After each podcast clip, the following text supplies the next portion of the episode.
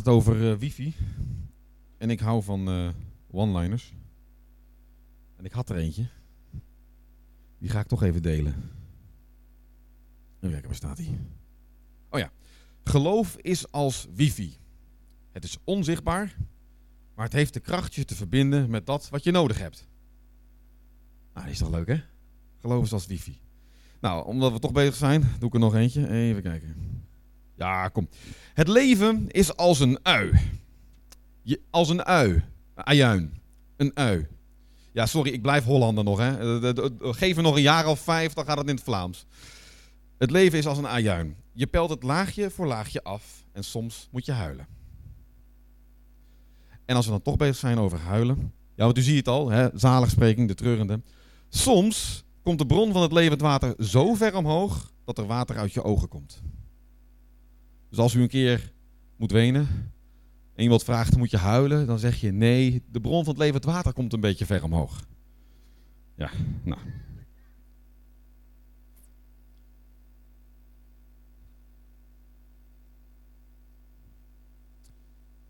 Zaligsprekingen. We waren gebleven bij eh Matthäus 5, dus de tweede. En het is meteen geen makkelijke. De eerste keer, hè, de vorige keer heb ik gesproken, dat is een aantal weken terug, ehm, heb ik gesproken over de nederige van hart of de armen van geest. Dat wil dus zeggen dat je bent echt gelukkig als je je afhankelijk weet van God, als je afhankelijk durft te zijn van God, als je je als een bedelaar naar God toe opstelt en, en zegt ja, ik kan dit niet zonder u. Dat klinkt misschien wel heel fatalistisch, heel extreem, van ik kan dit leven niet aan zonder u, maar feitelijk is dat wel wat er staat, is dat wel waar het over gaat. En eh, als je het niet hebt gehoord, je kunt bij Danny altijd vragen om even een linkje naar de preek van vorige keer. Dat kan trouwens met elke preek. Maar eh, eh, het is goed om een beetje bij te blijven waar we zijn als gemeente. Ook in de vakantieperiode. Volgende week doe ik de volgende, de zachtmoedige.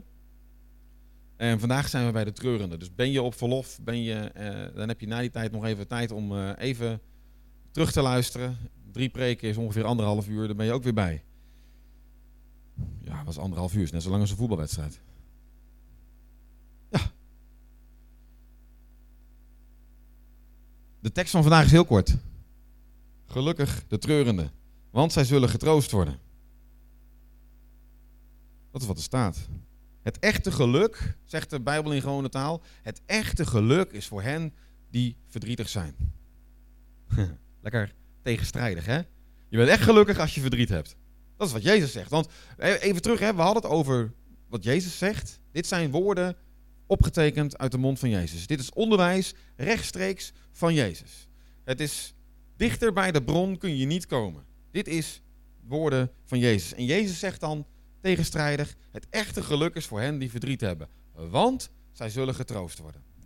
Nou, misschien zeg je ja, staat er niet ergens in openbaring eh, eh, dat ergens aan het eind van de tijd eh, Jezus de tranen, of God de tranen van de ogen zal afwissen? Ja, dat klopt, staat in openbaring 21.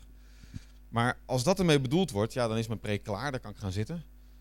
Maar dat zou ook wel heel kort in de bocht zijn, toch? Als we tegen elkaar zouden zeggen, joh, vervelend dat je nu verdriet hebt, als dat zo is. Ja, heel vervelend. Maar straks, als de tijd aan het eind komt, ja, dan komt God en die zal de tranen van je ogen afwissen. Dus hou vol, hou een beetje moed. Als je leven straks voorbij is, dan word je getroost. Dat is wel heel kort de bocht, toch? Dus eh, ik kan dat niet. Ik kan dat niet op die manier verklaren. Het kan wel, maar ik vind het niet... Het klopt niet. Het matcht niet. En een andere vraag die we misschien wel hebben. Verdriet, mag dat wel als christen? U, als we bij elkaar zijn, hebben we altijd, we zijn altijd vrolijk als we hier zijn. Dat vind ik ook fijn, overigens. Maar als we liederen zingen, zijn het ook vaak vrolijke liederen. We houden niet zo van de liedjes in E mineur of D mineur. Eh, De, de liedjes die een beetje treurig zijn. Ehm, het Psalmen voor Nu project is daar wel een heel mooi voorbeeld van. Om juist die psalmen, die soms echt het diepe van het leven weergeven, om die ook een plaats te geven in de gemeente. Maar we doen dat heel weinig. En ergens naar mezelf kijk, ik zing het liefst ook vrolijke liedjes waarbij je lekker enthousiast kan zingen. Dat zingt het lekkerste. Dat is het fijnste om met elkaar te doen. Maar het kan een beeld geven dat we ja, misschien niet verdrietig mogen zijn. Dat een christen altijd vrolijk moet zijn. We hebben er zelfs een kinderliedje van. Het is ook een bijbeltekst. Hè? Wees altijd blij in de Heer. En dan zegt Jezus, je bent gelukkig als je verdriet hebt. Hoe, kan dat nou? De ene kant zegt de Bijbel, je moet altijd blij zijn, je moet altijd vrolijk zijn. En Jezus zegt, gelukkig maar als je verdriet hebt. Het is tegenstrijdig, omdat je in het leven eigenlijk altijd streeft naar het mijden van verdriet. Tenminste, ik wel. We willen het niet. We willen geen verdriet in ons leven. En we willen geen treurnis in ons leven. We willen vrolijk zijn. En dat is altijd aan de andere kant ook iets wat er overkomt. Je kiest niet voor verdriet in je leven. Het is van het ene op het andere moment is het daar. Een slecht bericht, een overlijden, het komt nooit gepland. Ziekte, het komt nooit verwacht. En dat is ook de kracht van deze boodschap. En ik vind het tegelijk een van de moeilijkere preken om te geven. Want ja, hé, hey, wat heb ik nou meegemaakt met mijn 36 lentes? 37 lentes, denk ik. Ja, ik word 36. Nou ja, goed, laat maar. Jij was goed in rekenen. Hoe zit het? Komt wel, na de dienst.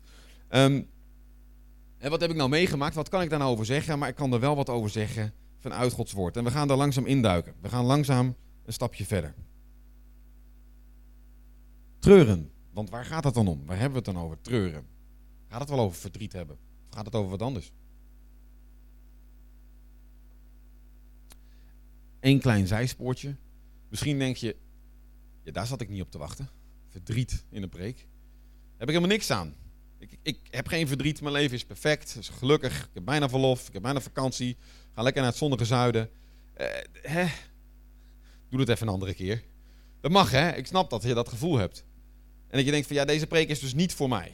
Nou, aan het eind van de dienst kom ik erop dat die preek wel voor jou is. En andere kant is, als je er iets uit kunt halen, als je er iets uit kunt leren, is het ook dat je misschien uh, als je wel tijden gaat krijgen van verdriet, dat je er wat mee kunt. Dat je um, je hart op de juiste plek krijgt en dat je met broers en zussen zoals we hier zijn, samen dat verdriet de baas kunt.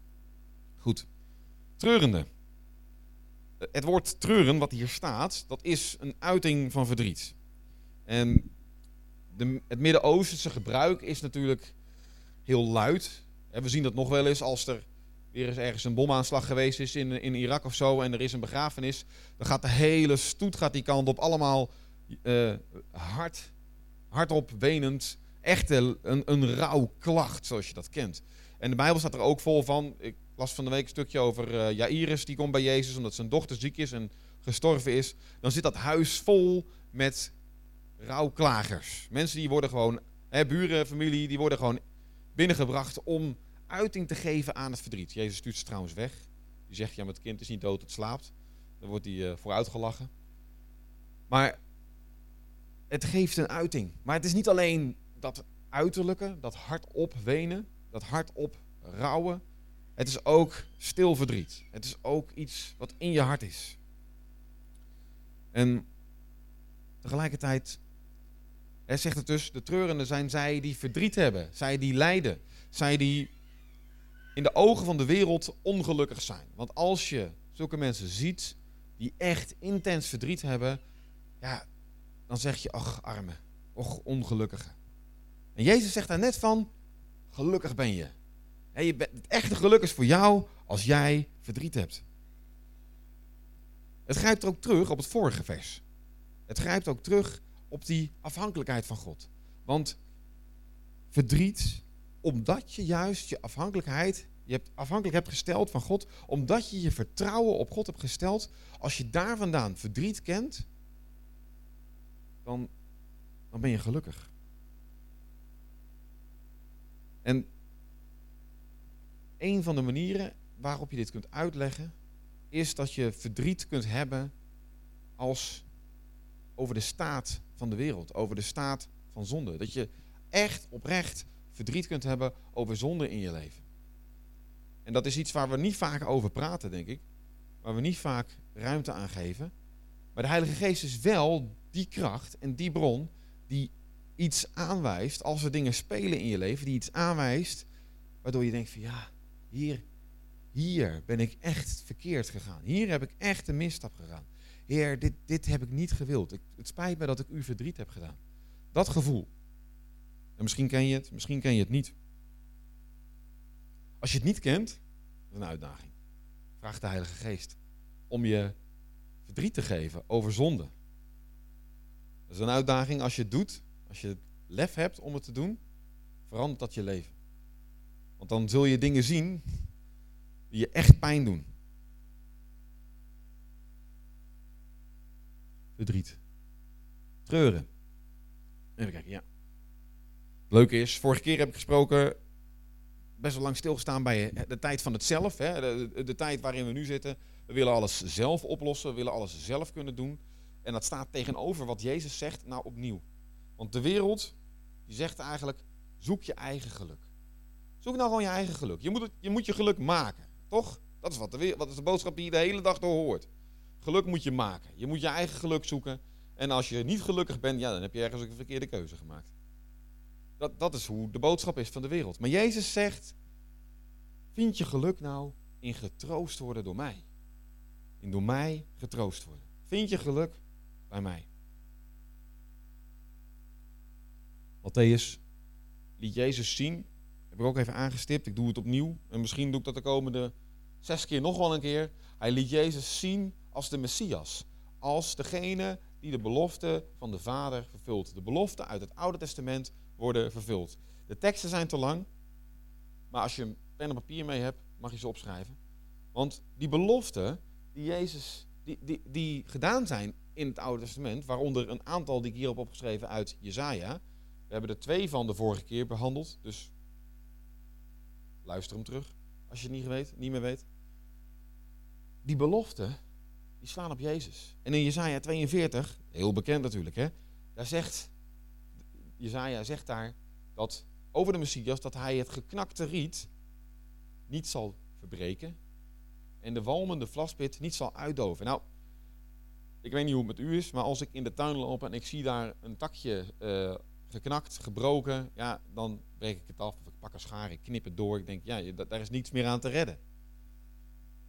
Ik denk dat de meesten van ons zo, zo denken. En als een kaars, deze doen het nog even, maar als die bijna uit is, omdat je onderop zit en er geen brandstof meer is, zeg dan, laten we maar uitmaken, hij is toch bijna op. Maar de Messias, en dat is het bijzondere, de Messias doet dat dus niet. De Messias die, die verbindt het geknakte riet, die bindt het op en die wil zorgen dat het geknakte riet weer bloeit, weer verder groeit. Die wil zorgen dat die walmende vlaspit, dat, dat dat kleine vlammetje wat er is, dat dat een groot vlam wordt. Dat het een groot vuur wordt. Dat er weer nieuwe brandstof in komt. Dat er weer opnieuw leven in komt. Dat is wat de Messias is komen te doen. Dat is wat hij is komen te doen. Dus als je in je leven een periode hebt waarin je je als een geknakte riet voelt, of waarin je vlammetje bijna uit is, dan mag je weten, de Messias is gekomen. Jezus is de Messias en hij is gekomen om je te verbinden, om je te helpen weer opnieuw te groeien en om het vlammetje weer aan te, te stoken, om op te stoken, om het vlammetje weer nieuw vuur te geven. Ander vers wat heel bekend is, Jesaja 53. Hij, ik lees een klein stukje, want hij was het die onze ziekte droeg, die onze lijden, of de herziene statenvertaling zegt, onze smarten op zich nam. Hij was het. De Messias is het die onze ziekte en ons lijden op zich droeg. Dat is de Messias. Hij is gekomen om je lijden en je ziekte op zich te dragen. In Jezaja 61, en ik heb volgens mij is het al de derde zondag achter elkaar dat ik er iets over zeg. Maar Jezaja 61, ja, we hebben er een lied van. Hè? U gaf aan mij uw vreugdeolie, een lof van rouw in plaats, een lofgewaad in plaats van rouw, een gouden kroon. In plaats van as, overwinning, in plaats van verdriet. Dat is wat we zingen. In opwekking staat dat zo. Dat is dit vers. Hij is gekomen om de treurende te troosten. Om een kroon op je hoofd te geven in plaats van stof. dat uiting van rouw, zoals ze dat gewend waren. Als je rouw bedreef, stof op je hoofd, dan kon iedereen zien dat je verdriet had. Om je vreugdeolie te geven in plaats van een rouwgewaad. En feestkleding in plaats van verslagenheid. Daar is de Messias voor gekomen. Om je dat te geven. Dat is het hart van de Messias. Kun je iets voorstellen hoe de leerlingen hoe de volgelingen van Jezus die woorden gehoord hebben. Gelukkig ben je als je verdriet hebt. Hé, hey, de Messias is gekomen om ons verdriet te dragen. Om ons te helpen ons verdriet te dragen. Om het te verbinden. Om ons feestkleding te geven. Vreugdeolie en een kroon op ons hoofd. Daar is die voor gekomen. De psalmen, ik heb ze niet opgeschreven, maar psalm 34, daar zegt... De Heer is nabij de gebrokenen van hart. Hij verlost de verbrijzelde van geest. En 147 zegt, hij geneest de gebrokenen van hart. Hij verbindt hen in hun leed. Dat is wat de psalmist zegt over gebrokenen. Over mensen die verdriet hebben. Over mensen die treuren. Hart van God is je te verbinden. Het hart van God is om je te helpen je verdriet te dragen. En verdriet mag dus een plaats hebben in ons midden, mag een plaats hebben in ons leven, want je zult getroost worden. Is het niet mooi? Is dat niet, als je dat hoort en ziet, en denkt, het hart van God, het hart van Jezus is om je te troosten, om je te helpen, om je verdriet een plek te geven en je weer te verbinden als je bent gebroken. Dat is het hart van Jezus. Ik vind het prachtig. Ik vind het, het deed mij de ogen open.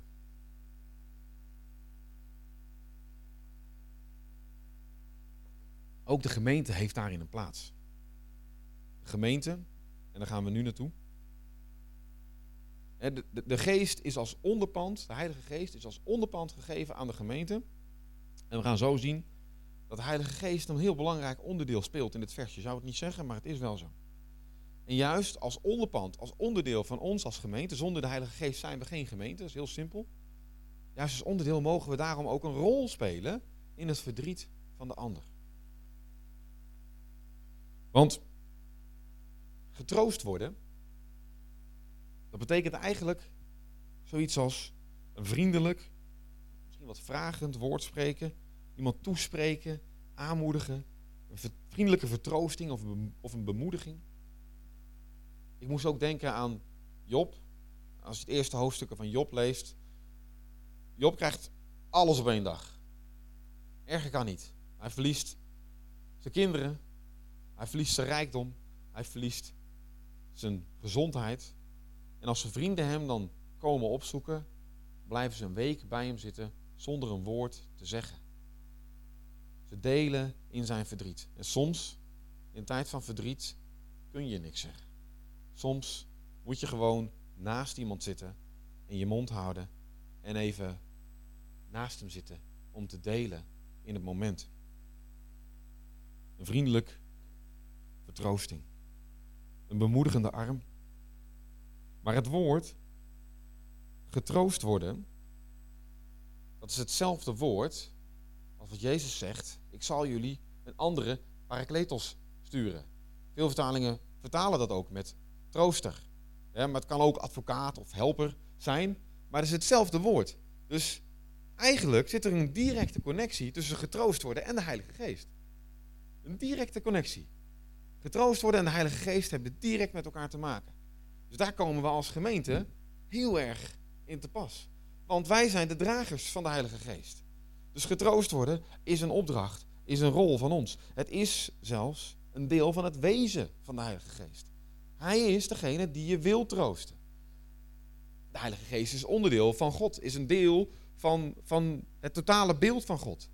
En als we net hebben gelezen dat God degene is die het verknakte riet niet wil verbreken, die het lijden op, je, op zich wil nemen, die ruimte wil geven en je een, een, een opnieuw wil kronen en olie wil geven en een feestgewaad wil geven, dan is dat ook hetgene wat de Heilige Geest wil doen. Die wil troosten, die wil verbinden in je leed. De Heilige Geest moedigt aan, hij biedt je vriendelijke vertroosting en een bemoediging. Ja, misschien denk je dan, mooi, maar ik ervaar dat niet zo in mijn leven. Ik ervaar dat niet. Dat kan. Maar nogmaals, daar komen we als gemeente en we gaan straks iets spannends doen om dat in de praktijk te brengen. Waarschuw vast, ik kan nu nog weg. ja, grapje. Dit vers, deze psalm, pak hem erbij. Psalm 84. Gelukkig wie bij u hun toevlucht zoeken. Met in hun hart de wegen naar u. Trekken zij door een dal van dorheid. Het verandert voor hen in een oase. Rijke zegen daalt als regen neer. Er zit hier, en ik heb het er al achter gezet, er zit hier een Hebreeuws woord, habakka. En habakka is wat moeilijk te vertalen. Het wordt vooral vertaald met dorheid, maar het kan ook ehm, het dal van geween zijn. En uiteindelijk komt dat op hetzelfde neer. Ga je door een dal van geween, ga je door een dal van dorheid, ga je door een dal van habakka, dan verandert het voor je in een oase en rijke zegen daalt als regen neer. Dan denk je, ja, dat heb ik in mijn leven niet zo gemerkt. Misschien denk je dat, hè? dat kan. Waar zit de clue? Waar zit de crux? Waar zit het belangrijkste punt? In die versen ervoor. Gelukkig wie bij u hun toevlucht zoeken.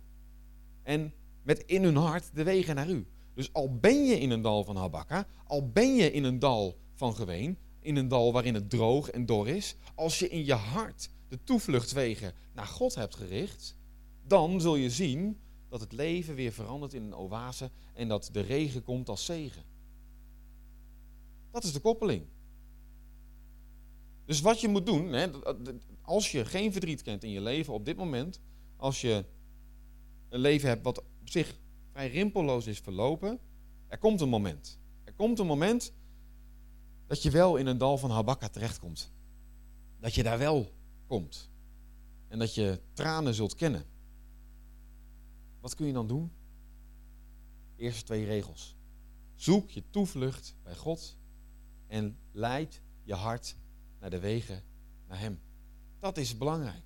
Want dan zul je achteraf zien dat het dal van geween, het dal van Habakka, het dal van dorheid, niet dor en droog bleef, maar juist een oase is geworden. En dat je daarmee later anderen ook kunt helpen, die ook door een moeilijke tijd gaan. Dat is toch prachtig. Ik, ik, uiteindelijk, ik vond het een heel, mooi, heel moeilijk vers. Over treuren, over verdriet. Een, een 20, 25 minuten praten over verdriet hebben in, in een dienst. We doen het niet vaak. Ja, als je je toelegt op alle acht zaligsprekingen, dan moet je deze ook doen. Dan kan je hem niet overslaan. Maar als we zien wat een rijkdom daarin zit. En ook Paulus zegt er nog wat over. Want zoals ik al zei, troost door de gemeente. Als wij als gemeente de Heilige Geest hebben, dan, dan kunnen we daar met elkaar ook elkaar troosten, elkaar vertroosten. En dan zegt 2 Korinthe, daar zegt Paulus, geprezen zij de God en Vader van onze Heer Jezus Christus, de Vader die zich over ons ontfermt. Dat is al mooi, hè? De God en Vader van onze Heer Jezus Christus. Hij die zich over ons ontfermt. De God die ons altijd troost. Altijd. Dat zegt Paulus, hè? die zegt het over zichzelf. De God die ons altijd troost. En ons in alle ellende en moed geeft. Nou, als je even handelingen doorleest en een paar van de brieven van Paulus bekijkt en ziet wat een ellende hij meegemaakt heeft, in de gevangenis gegooid zonder proces, gestenigd en voor dood achtergelaten, gegezeld zonder proces, schipbreuk lijden op volle zee, hè, moeten zwemmen naar een eiland, gebeten worden door een slang, uiteindelijk in Rome, en daar staan we niet bij stil, in Rome wordt hij vastgeketend, wordt hij vastgezet, dat is dan wel in een huis, maar in de praktijk was dat dat er iemand gewoon aan hem zat vastgeketend, een soldaat. Die zat gewoon aan hem vast. Hij kon gewoon nergens heen. Hij moest in het huis blijven. Nou, dan lijkt het misschien makkelijker dan in de gevangenis zitten. Maar makkelijk is het niet. Hij maakt zoveel mee. En dan zegt hij, de God die ons altijd troost en in al onze ellende moed geeft. Zodat wij, door de troost die wij zelf van God ontvangen hebben, anderen in hun ellende moed kunnen geven. Dat is de uitdaging. Als we troost hebben ontvangen, kunnen we anderen in hun ellende moed geven. Dat is de uitdaging die ik vanmorgen bij ons wil neerleggen. En dat is spannend. Ik wil vragen zometeen, we hebben nog een paar minuutjes, om gewoon even in groepjes van drie, vier met elkaar te bidden. Gewoon voor elkaar te bidden. Als je iemand weet van die heeft verdriet, bid voor hem of haar. Als je niet weet wat je wil bidden, wat je moet bidden, kun je ook gewoon zeggen, de Heer zegent je in Jezus' naam. Heel simpel. Maar woorden hebben kracht. Woorden hebben kracht. Als je het spannend vindt, als je nog nooit hard op een gebed hebt uitgesproken, laat het een beetje gaan. Maar ik geloof, dit is een uitdaging. Dit is een uitdaging voor ons allemaal om om een stapje verder te komen, om een stapje te groeien. Ik moest denken aan een situatie jaren geleden. In een gemeente waar we toen zaten, zaten vrienden die het moeilijk hadden in hun leven. Die kwamen niet zoveel in de kerk. En ik had midden tijdens de dienst de ingeving, je moet voor ze bidden, nu. Ik heb dat niet zo heel vaak, maar soms heb ik de herkenning dat de Heilige Geest zegt, je moet het nu doen. Dus ik zeg tegen Eva, kom, we moeten nu voor ze bidden. Jij schrok ervan, weet je nog? Nu? Moet het nu? Ja, het moet nu. tijdens de dienst gewoon. Hè? Was, volgens mij was het nog tijdens de lofprijs. We moeten nu voor ze bidden. En wat zeiden die mensen? We hebben gewoon voor ze gebeden. Er gebeurde niks spectaculairs. Maar wat zeiden ze na afloop? Dit heeft nog nooit iemand voor ons gedaan. Nog nooit. Iemand gewoon simpelweg voor ons gebeden in onze moeite. We hebben onze moeite gedeeld met mensen, maar er is niemand die voor ons gebeden heeft. Dat was het krachtige moment. Misschien ben je nu de eerste keer voor iemand aan het bidden die het nog nooit heeft meegemaakt. Maar is dat wel een ontzettend grote bemoediging. Het is tijd. Ik wil jullie echt uitdagen. Er zijn genoeg mensen, je hoeft niet te gaan lopen, je kan gewoon even omdraaien of even aanschuiven. Om even kort, twee, drie minuten voor elkaar te bidden. Durven we het aan? Tuurlijk. Even twee, drie minuten voor elkaar bidden. Om, om elkaar te bemoedigen en troost te geven. Langzaam af te ronden. Heer, dank u wel dat we bij u mogen komen. Jezus, dat u een belofte geeft dat als we verdriet hebben, dat u degene bent die ons wilt troosten. Dat u belooft dat we getroost zullen worden. Heer, dank u wel dat uw hart het ook is. Dat u ons niet af wil breken. Dat u ons niet uit wil doven. Maar dat u ons wil verbinden, verbreken. En op wil laten laaien. Niet verbreken, maar op wil stoken. Heer, dat u ons nieuw leven wil geven. Als het leven soms even weg lijkt. Heer, dank u wel voor het moment dat we met elkaar zo samen gemeente mochten zijn. Om elkaar te bemoedigen en elkaar te troosten in verdriet. Zegen zo deze tijd in Jezus' naam. Amen. Ik ga hem overgeven aan Chris, maar mocht je nog niet genoeg hebben gehad van gebed, we hebben een gebedspunt achterin. Er zijn altijd mensen bereid om voor je te bidden.